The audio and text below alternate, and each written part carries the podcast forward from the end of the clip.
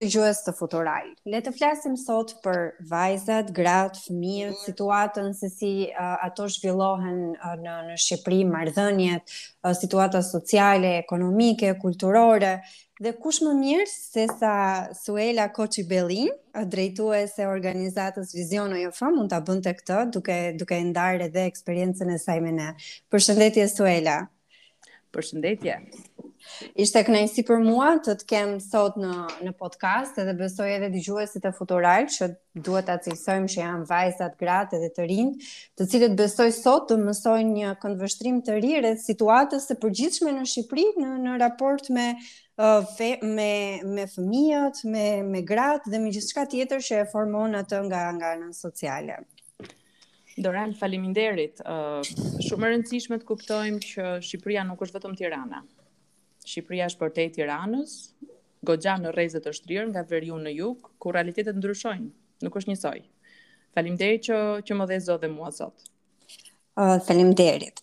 Atëherë, le të fillojmë me kuriozitetin tim më të madh. Uh, Pse mendove dhe pse gjykove të nevojshme që të reagoje për çështje që lidhen me fëmijët dhe gratë?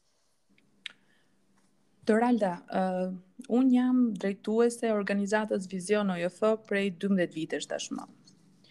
Para 12 vitesh, kur e filluam organizatën, isha goxha më e re se sot, absolutisht.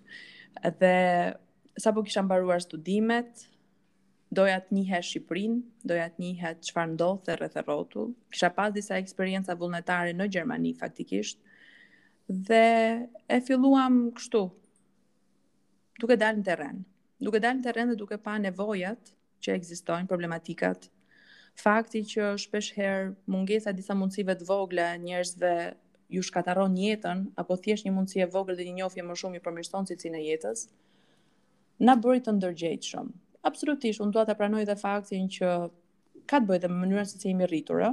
Jemi rritur në një familje, unë të paktën, ku ime më kishte shumë kujdes për, për çështjet sociale, si mësuese, prandaj. Mhm. Dhe prandaj dhe unë jam e lidhur me, me pjesën e edukimit goxha. Në 2-3 vitet e para tonat kemi punuar vullnetarisht me bashkë me një miken time, Në fillimet tona, Dhe kjo besoj është pjesa më e rëndësishme aty ku fillon edhe hidhen themelet. Ne kemi qenë vullnetare dhe ajo sot është kolege. është kolege në vizion, sepse ishim dy të para që ndoshta të tjerët habiteshin ça po bëjnë këto të dyja, që ne merrnim furgonin dhe shkonim asistonim fëmijët, për mësimet, për t'i larguar nga atmosfera. ndoshta shumë e keqe familjare, ku nuk ishin përkrahjen e prindërve. Kështu filloi. Kështu filloi para 12 vitesh dhe po prap i njëjti fokus ngelet sot e kësaj dite. Absolutisht i sjell në kohë, hm? sipas nevojave, sipas uh, situatave dhe situatat ndryshojnë, problematikat ndryshojnë, mentaliteti ndryshon, qarkullimi i njerëzve nga veriu në jug apo jashtë Shqipërisë ka ndryshuar.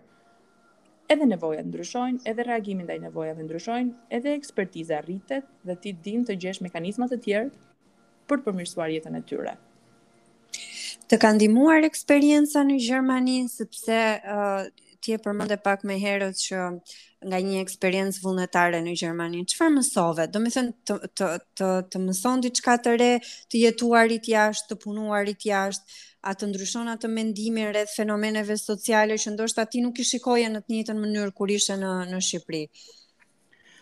Kjo është e vërtetë. Unë jam me profil bazë, jam përkthyese e gjuhës gjermane. Uh, mm -hmm. Kur ishim studente, në atë kohë, në vitet 2002, 2003, 2004, ishte një grup shumë i vogël studentësh që kishin shansin të merrnin vizë në ambasadë, ishin nxënës të mirë, të merrnin vizë në ambasadë dhe të shkonin në Gjermani. Mbaj mend që kur shkova herën e parë në Gjermani, ishte një periudhë 4 javore, dhe më ka bërë shumë përshtypje një fenomen. Pra, ne mbaronim 5 orarshin e shkollës verore, dhe ndërkohë ishte kati i parë, ose unë mbaj mend në në në në trurin tim katin e parë që ishin shumë etiketa, letra të vendosura mm -hmm. në një kënd.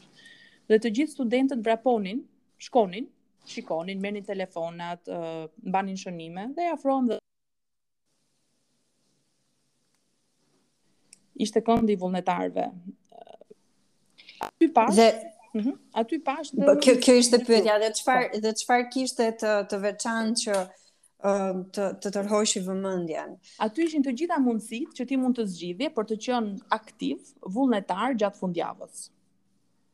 Pra, nëse fundjavën ne nuk kishim mësim në shkollë, e shtuna e diela ishin ditë pushimi, nëse mendohet në Gjermani të dielën as dyqanet hapura nuk ke, ti duhet merresh me diçka, mhm. ishte momenti që ti të njihje organizata terreni, të cilat kishin aktivitete vullnetare, ose me fëmijë, ose me të moshuar, me me shtresa të ndryshme, me target grupe të ndryshme. Dhe unë ashtu u regjistrova. U regjistrova dhe pata eksperiencën e parë. E shijova, u riktheva prap, Dhe organizatën e parë që ne kemi qenë atje aktiv, ne kemi partner tani në Shqipëri. Shumë interesante. Domethënë, uh, ka ka shërbyer në në, në ndërtimin e asaj që ti do doje të kishe, ndoshta edhe në Shqipëri e ke përdorur si model këtë, pra modelin e vullnetarizmit edhe të punës me me organizata joqeveritare të huazuar ndoshta nga nga modelet e tjera. Uh, ne në Shqipëri kemi disa vullnetarë nga shkollat ku punojmë. Mhm. Nuk është kaq i madh numri, uh, nuk ka akoma në, në universitete një akses të tillë që të vendosin një tabelë. Ligji i vullnetarit po punohet goxha, ka goxha organizata që po punojnë për të rregulluar, për të përmirësuar legjislacionin, si t'i regjistrosh, uh, si ata duhet të jenë legjitimë edhe në punën vullnetare. ende ka akoma për t'u përmirësuar. Ne kemi vullnetarë, pra në shkollat që ne kemi dhënë kontribut, aty kemi të rinj të reja, kryesisht edhe mësuese faktikisht dua ta them, të cilat angazhohen pastaj për një aktivitet konkret në terren për të dhënë kontribut dhe për të përmirësuar diçka. Kështu që e kemi, ndoshta nuk e kemi kaq të strukturuar sa sa në Gjermani akoma, edhe ne vetë, mm -hmm. por e kemi. Pra nëse është nevoja për diçka, mjafton shpesh herë me telefonatë, se ajo është mënyra më e thjeshtë. Më e thjeshtë, po. I zgjidhim, hm? bëhemi bashkë edhe organizohemi për të kryer aktivitetin. Suela, jam në fakt kurioze edhe për diçka tjetër. Domethënë, kur ne flasim për organizatat e grave në, në Shqipëri, është gjithmonë kjo shprehja, është po mirë, ka kaq shumë organizata, po çfarë po bëhet, çfarë ka ndryshuar, cilat janë modelet e suksesit, po pse ti duhet të jesh ndryshe, Uh, si mendon ti, domethënë, pse, pse ky uh, fokusi jot? Atëherë, organizata Vizion uh, është organizatë terreni, i themi. Mm -hmm. Ne jemi organizatë që asistojmë familjet që vijnë nga zonat e disavantazhuara apo familje që jetojnë në kushte të vështira social-ekonomike. Absolutisht, fokusi janë fëmijët si shtresa më vulnerabël dhe më e pambrojtur dhe gratë. Pra, jo direkt jemi një organizatë grash, megjithëse fokusi jonë kryesor janë fëmijët dhe gratë. Fundja, mm -hmm. gratë janë 50% e popullsisë dhe meritojnë të kemi goxha organizata të grupuara për të mbështetur njëra-tjetrën.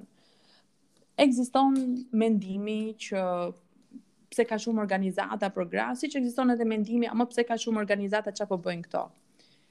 Unë mendoj që ne po bëjmë, ndoshta duhet të jenë njerëzit aktivë brenda një organizate, ta shohin se sa punë bëhet për të lëvizur ë uh, male. Po që është e vështirë, sepse të ndryshojmë fenomene sociale, të ndryshojmë mendësi, mentalitetin në të në në në, në të tërën e tij, të ndryshojmë gjendjen sociale ekonomike të familjeve nuk është një gjë që ne e bëjmë me me të një të shkrepur të dorës. Pra është e pamundur, është është një ndryshim, është një përmirësim i cili kërkon shumë kohë, kërkon shumë aktorë, kërkon shumë organizata, kërkon angazhim të institucioneve qendrore, të politikave, të gjithave së bashku. Nuk mundet një organizatë të ndryshojë terrenin në Shqipëri nga veriu në jug. Kur mendojmë që familjet janë të ndara në zona shumë të largëta, popullsia qëndron e shpërndarë akoma, edhe organizatat janë kryesisht të fokusuara. ka një terren që mbulojmë. Ne për shembull si organizatë kemi mbuluar fort Shqipërinë e Veriut ose konkretisht zonën e Mirditës, të Dibrës. Mm -hmm. Pra, pothuajse fizikisht e pamundur për të mbuluar edhe Sarandën, megjithëse do donim, hm, sepse edhe atje ka njerëz që kanë vështirësi. Mund të kenë turizmin si hapësirë zhvillimi, por kjo nuk do të thotë që nuk kanë vështirësi dhe për zhvillimin e turizmit. Kështu që paragjykimi që Ka shumë organizata për gra, çfarë po bëjnë këto? Po bëjnë. Po bëjnë atë që ne sot kemi më shumë gra në politikë, po bëjnë atë që ne sot kemi më shumë gra që punojnë në institucione qendrore si bashkitë, sepse kryesisht për mësuese kanë qenë gjithmonë gratë, janë shquar po, mësuese. Është një pikë që nuk e konkurrojmë dot. Kemi gra që janë uh, më iniciatore për të dalë dhe për të reaguar për për problematika konkrete dhe jo gjithkohë në varësi të situatës të vështirë ekonomike që mund të kenë familje, kjo përbën diferencë të madhe mes Tiranës dhe periferive, këtë duhet ta theksoj, sepse në periferi akoma është shumë më e vështirë për për të parë avancim kaq të dukshëm sa mund të jetë Tirana, për shembull. Megjithatë ka përmirësim, ka përmirësim sot, të vogël por ka. Suela, po nëse flasim për raste të dhunës në familje, se në këto raste ne dim që viktima është edhe edhe fëmija, pra fëmijët që jetojnë në, në atë familje, por edhe gratë edhe vajzat që bëhen pre e saj. A shikon në një ndryshim, qoftë edhe në mentalitetin apo në qëndrimin e vetë grave apo edhe fëmijëve kur bëhet fjalë për situatat të cilat janë realisht të pakëndshme dhe uh, lidhen me këtë gjendjen kritike që kemi ne si popull me me frustrimin edhe dëshirën për ta për ta dhunuar tjetrin. Në situata e dhunës në familje është problematikë shumë e gjerë. Ne kemi vështirësi akoma për të pranuar faktin që bashkëshortja apo partnerja ka të njëjtat të drejta me ty. Duke qenë se në përgjithësi martesat vazhdojnë ende në Shqipërinë e Veriut bëhen me shkuesi. Ose uh, kemi vajza të cilat kanë bërë 8 apo 9 klasë shkollë, pastaj për arsye ekonomike, për arsye distance nga shkolla, për arsye mentaliteti, për arsye sepse daja vendos kështu, dhe shumë arsye të tjera, asaj i hiqet e drejta për t'u shkolluar. Dhe i ngelet e vetme rrugëzgjidhje martesa. Martesa. Kemi një martesë ku kryesisht ky djali Është e para më i rritur, e dyta do ketë qenë ndonjë emigrant ose vazhdon të jetë emigrant ndonjë Angli ose ndonjë vend tjetër. Pra martesa bëhet në fillim vetëm për procedurë. Dy njerëz që nuk janë njohur kurrë, një vajzë që ka varësi ekonomike, sociale, gjithçka nga kjo martesë sepse nuk ka fuqinë e vet. Sjell në jetë një fëmijë, lindin problematikat e tjera. Dhe pastaj, ë, uh, ajo ka një lloj kushtëzimi për të qenë viktimë e dhunës në familje. Nuk po nuk po, domethënë, njerëz të mirë ka kudo, nuk e përjashtoj, nuk kjo nuk është, kjo nuk është në 100% të rasteve, por unë po shpjegoj rastet kur ndodh. Dhe rastet kur ndodh është e lidhur ose derivon nga kjo situatë. Kjo nuk do të thotë që një grua me shkollë të lartë nuk ka dhunë në familje. Nuk e përjashtoj edhe këtë. Por në përgjithësi, Ne kemi bërë një studim vetë në zonën e Mirditës, ku ne kemi 175 familje, të cilat i suportojmë dy herë në vit me pako ushqimore. Dhe në 175 familje, 95% prej tyre, gratë, nuk kanë më shumë se 6 deri në 8 klasë shkollë. Pra, Kjo është një arsye direkte e lidhur me varfërinë e tyre dhe nga varfëria, varfëria është në të tërën, pra nuk është vetëm varfëri ekonomike, është varfëri në mendësi, është varfëri në stilin e përditshëm të jetesës, kjo pastaj derivon dhe dhunën e cila është pjesë e kulturës se si rriten njerëzit. Është normale që t'i bërtasësh gruan apo ta ta rrafësh gruan, është normale që të rrafësh fëmijën sepse kshu edukohet, ai fëmija kur të rritet është normal që do rrafi, sepse kjo është pjesë e kulturës që nuk kanë dalë nga kjo. Është një gjë që vazhdon. Shkon zinxhir. A ke patur raste të vështira, Suela? Raste të vështira kemi pasur. Kemi pasur. Domethënë aty ku ti ti thua që ok, si duhet të veproj un tani? Kemi pasur, kemi uh, raste të vështira që edhe i kemi thënë gruas të lutem shko denoncoje. Por se për një arsye ose për një tjetër ajo nuk e denoncon. Raste ku kemi marrë vetë kurajon edhe kemi njoftuar institucionet për të reaguar, sepse sepse duhet reaguar për hatër të fëmijëve, për hatër të personit që pëson pëson dhunën.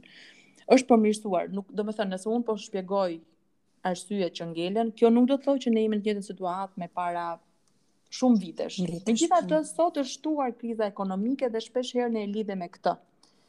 Nëse para 15 vitesh nuk e dinim, ne sot e dimë dhe e shohim sepse kemi akses më shumë në informacion.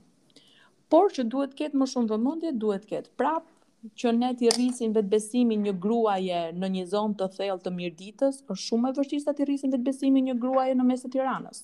Me vërtet. Ajo atje rrethohet nga nga grupi i vet i njerëzve, nga njerëz të cilët të gjithë mendojnë njësoj, prandaj duhet të ketë uh, mekanizma bashkërendues në të gjitha nivelet.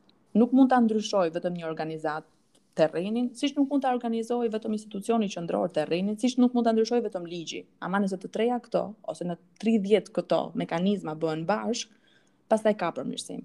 Që nga fuqizimi i shkollës, unë besoj fort që fuqizimi i shkollës është mekanizmi kryesor për të ndryshuar jetën e fëmijëve sot dhe të të rriturve mbas 20 vitesh.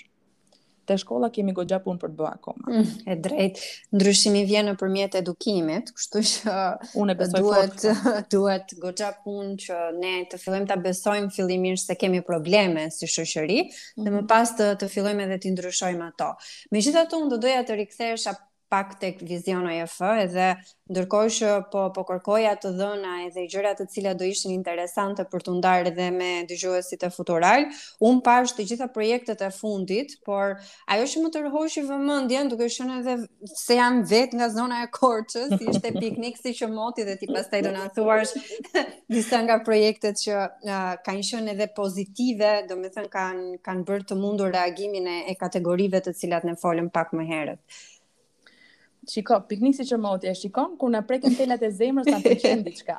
Shumë e rëndësishme, të kujtojmë edhe një herë fëmijërinë, se ndoshta ne kemi pasur një fëmijëri me më pak strese se fëmijët sot. Kemi pas një fëmijëri, nuk po them që ka qënë e mirë, por ka qënë disi e unifikuar, kurse sot, Ka shumë diferenca, ka shumë ambicie, ka shumë luftë, ka shumë prindër aktivë që shpenzojnë shumë kohë për të punuar, ndërkohë fëmijët lihen pak pas dore, ka shumë beton dhe pak parqe, më pak siguri se dikur, ne dikur relativisht më shumë siguri. Pra është i bukur ai piknik si qëmoti. Unë do të jap pak informacion për piknikun si qëmoti. Mm -hmm. Me shumë dëshirë. Pikniku si qëmoti faktikisht uh, u organizua në në pyllin e fazanëve në Maliq. Mm -hmm. Unë nuk kisha qenë asnjëherë. Edhe e shijova. Isha edhe me fëmijët e mi, e shijova, u kënaqëm, ashtu thjesht me batanien e shtruar, me pak ushqime me vete, ishte këndshëm. A, a ishte e këndshme po po aq sa ti edhe për fëmijët? S'dua të të ndërpres, por kjo është shumë e rëndësishme për të kuptuar nëse jep të njëjtin impakt edhe tek ata. Unë di të them një gjë, fëmijët ndezën zjarr vet. Vajza ime nuk dinte se si ndizet zjarr. Tash kjo nuk është e bukur për t'u thënë, por është e vërtetë. Dhe e pashë që për fëmijët, jo vetëm për të mitë, po edhe për fëmijët e tjerë ishte emocion shumë i bukur kur mblodhën shkarpa për t'i mbledhë për t'i bërë bashkë, ndezën zjarrin dhe pastaj e bënin me turne për të ruajtur zjarrin për mos u fikur. Fëmijët njësoj ngelen. Njësoj. Teknologjia mund të jetë të gjë, por në lidhje me natyrën, fëmijët të gjithë e duan lirinë, e duan ajrin e pastër, e duan një shok apo një shoqe të re, e duan. Duhet edhe ne të jemi pak të vëmendshëm të shkëpusim duhet ta kenë dhe IT-n, duhet ta kenë dhe teknologjinë dakord, sepse kështu ka avancuar bota, por le ta kthejmë edhe një herë te pjesa e natyrës se fundja, ne të gjithë përdorim natyrën, ëh. Nuk është se ne po e mm, shmangim mm. kontaktin me natyrën. Kështu që pikniku si qëmoti është organizuar nga uh, një qendër për fëmijë, një qendër multifunksionale sot për fëmijë në qytetin e Korçës, të cilën ne kemi partneren tonë më të re në zonë atje, për të pasur mundësi për të dhënë kontribute në atë zonë. Unë vet jam nga Korça si si origjinë. Megjithëse kam mbi 12 vite që punoj në zonën e veriut, pra duhet të kthehemi edhe pak në Korçë. Pa shmangur dhe pa lënë fare mbas dore veriun, po duhet t'i jap edhe pak rëndësi Korçës dhe kjo ishte një mekanizëm për të hyrë në Korçë dhe për të dhënë kontribute atje për fëmijët dhe për të rinjtë, sepse shkojnë bashkë. Jam shumë uh, e sigurt. Mua më pëlqeu në fakt si ide dhe ndërkohë që po shikoja të gjithë faqen e webit, unë do doja që t'ua sugjeroja edhe dëgjuesve të Futural sepse është një një investim për dije dhe për ta njohur akoma dhe më mirë terrenin në Shqipëri kur flasim për fëmijët, edhe për gratë edhe për çdo nismë që lidhet me ekonominë dhe zhvillimin social. Por unë do doja të na thoje, nëse mundesh ta ndash me ne, a ka Suela ndonjë projekt që është po kaq interesant dhe uh, do tërheqë vëmendjen e të gjithëve ne për t'u bërë pjesë ndoshta? Më thuaj zonën, jo në Tiranë. jo në Tiranë. Mjafton të jetë jashtë Tiranës dhe unë jam gati të jem vullnetarja e parë.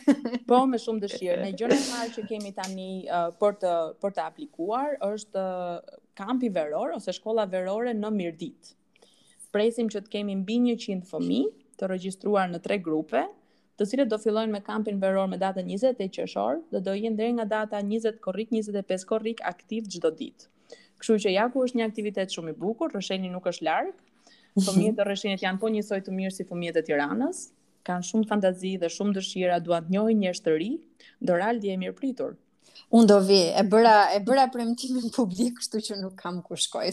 Faleminderit. Po për, përveç asaj është edhe është edhe kënaqësi edhe uh, çështjet që lidhen me socialen edhe ekonomikën janë pjesë e fushës time të studimit. Megjithatë, unë do doja të dija, çfarë të motivon ty moj vajzë? Domethënë, cila është moto jote për të për të bërë gjëra kaq të bukura, po me një përmbajtje shumë të madhe dhe me një shtrirje kaq shumë të gjerë edhe në Shqipëri? Shiko ça pytje, kjo është pytje... Unë e filloj sot edhe mbaroj nesër përgjigjen e kësaj pyetje. Megjithatë, ça më motivon mua? Unë sot jam mami edhe këndvështrimi im për botën ka ndryshuar pasi në jetë ka ardhur vajza ime e madhe. Pra nëse deri në atë moment për mua Shqipëria ishte një vend interesant për të parë, dakord kishte probleme sociale, të cilat unë i merrja më me sportivitet për të zgjidhur. Pas atij momenti u kthye në mision. U kthy problematikë thelbësore për të dhënë një kontribut. Fundja ne jemi gjithë kalimtarë në këtë botë. Shumë të shpejt mundësisht, vrapon, nxiton, nxiton shumë shpejt kjo jetë. Dhe nëse arrijmë që të përmirësojmë jetën e disa njerëzve, është bukur ta bësh. Është kënaqësi të shohësh sy që kur të shohin ty janë janë më ndryshe, ë? Shkëlqejnë. Marrin shpresë. Të thon, të të thon, ta thon fjalën thjesht, një person i cili vuan nga shumë probleme dhe ti i ke thënë një fjalë ndryshe, ti i ke asistuar në një moment të vështirë, është personi më i sinqertë në botë kur po flet me ty. Dhe momentin që ti e din që ke përmirësuar një pikë këtu, një pikë atje, është pothuajse e vështirë që ne të përmirësojmë gjithë Shqipërinë, ama gur, një gur këtu dhe një gur atje, kjo është kënaqësia, kjo është motivi. Motivi është që ti je unë si Suela, më saktë, jam krenare për punën time kudo që shkoj. I shoh njerëzit në sy dhe e di që në momentin që kam diçka në dorë për ta bë, unë atë e bëj, nuk hezitoj. Dhe kam edhe parim në jetë faktin që shpeshherë ua them njerëzve që më rrethojnë. Ju lutem, nëse keni mundësi për të bërë mirë, bëjeni. Asnjëherë nuk e din se ku do dali ajo e mira që ke bërë.